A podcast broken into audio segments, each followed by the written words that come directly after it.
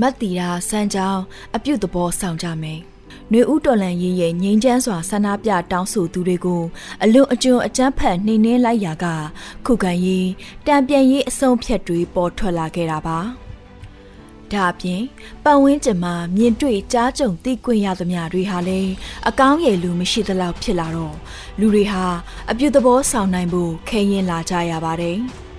အထူးသဖြင့်ဆိုရှယ်မီဒီယာမှာတုံ့ပြန်မှုအနေနဲ့ အပြစ်သဘောမဆောင်တဲ့အပြောအဆိုအရေးအသားတွေများတစ်ထက်များလာခဲ့ပါတယ်။မဖွဲမရအသုံးနှုန်းတွေကိုပြစ်ပြစ်နှစ်နှစ်သုံးပြီးအပြစ်တင်တာမျိုးကိုတာမန်လှုပ်ရိုးလှုပ်စင်လို့သဘောထားပြီးလှုပ်လာကြတာလေးတွေ့နေရပါတယ်။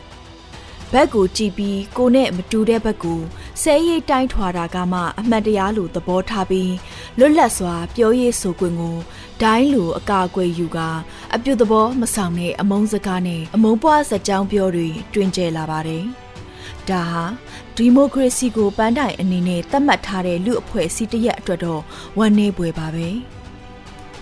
မြေပြင်မှာစကစလက်နက်ကိုင်းတွေကိုတုံ့ပန်းအဖြစ်ဖမ်းမိတဲ့အခါနှွေဦးသမားတွေကလူသားချင်းစာနာလို့ကောင်းမွန်စွာဆက်ဆံနိုင်ကြတာကို တွေ့ပြီးအားတက်ရပေမဲ့ Facebook ပေါ်မှာတော့လူပုဂ္ဂိုလ်အလိုက်ပါတီအလိုက်လူမျိုးအလိုက်လက်နက်ကိုင်အဖွဲ့အလိုက်အယူဝါဒရေးရာအငင်းပွားတဲ့အခါအပြုသဘောမဆောင်တဲ့အရေးအသားအတုံးနှုံတွေအငင်းဝါကြတွေကိုလှိုင်လှိုင်သုံးလာကြတာကိုလည်းတတိထားမိပါတယ်။ကာယကံမေတ္တာထံဝစီကံမေတ္တာကပိုများခက်ခဲနေသလားလို့တောင်တွေးမိရလောက်အောင်ပါပဲ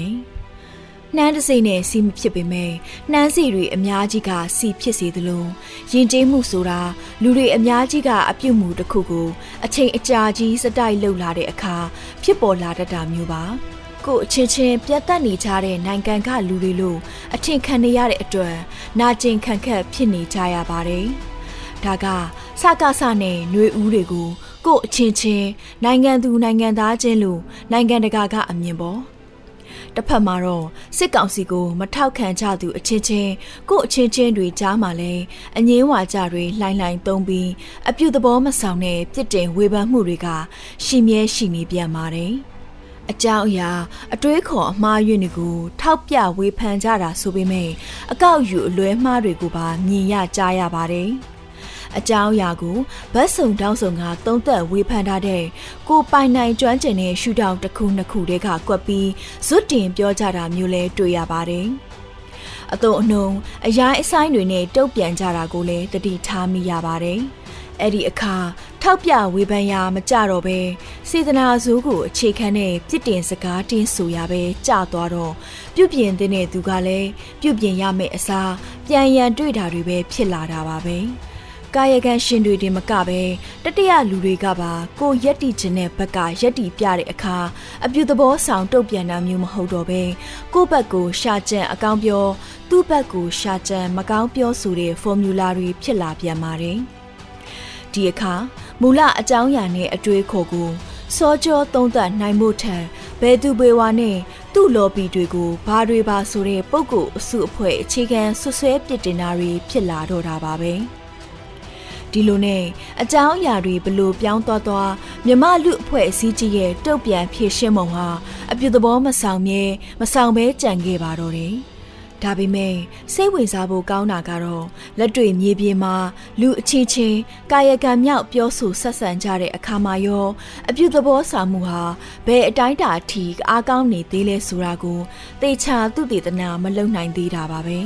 ။ကြည်ရတာ မြေပြင်မှာတော့ပိုပြီးအပြူသဘောဆောင်စွာပြောဆိုဆက်ဆံနေကြတယ်လို့ထင်ပါတယ်။ဆိုရှယ်မီဒီယာဆိုတာကဘာမှာလဲဝန်စီကန်အလွဲ300နေရာဖြစ်နေတာကိုဒီတော့အွန်လိုင်းပေါ်ကယဉ်ကျေးမှုဆိုတာအပြူသဘောမဆောင်ပါလားလို့ကောက်ယူမယ်ဆိုရင်ယူစီရပေါ့။အွန်လိုင်းကိုအသုံးပြုသူအများစုဟာစာတက်ပေးတက်တွေဖြစ်နေတာမို့ စာတက်ပေးတက်တွေဟာအပြူသဘောဆောင်နိုင်မှုအားထုတ်နိုင်ကြသူတွေဖြစ်ပါရဲ့နဲ့လက်တွေ့မကျင့်သုံးနိုင်ကြပါလားလို့တွေးစရာဖြစ်ရပါတယ်။ဒီလိုသာဆိုအနာဂတ်လူအဖွဲ့အစည်းကြီးတစ်ခုလုံးရင်ကျေးအောင်အပြုသဘောဆောင်နိုင်အောင်ဘယ်အရာကများတတ်နိုင်မှာပါလိမ့်လို့ဆက်တွေးချင်လာပါတယ်။ပညာရေးဟာဒီမိုကရက်တစ်လူပေါင်းအတွက်အဖြေပဲလို့ဆိုကြတာကို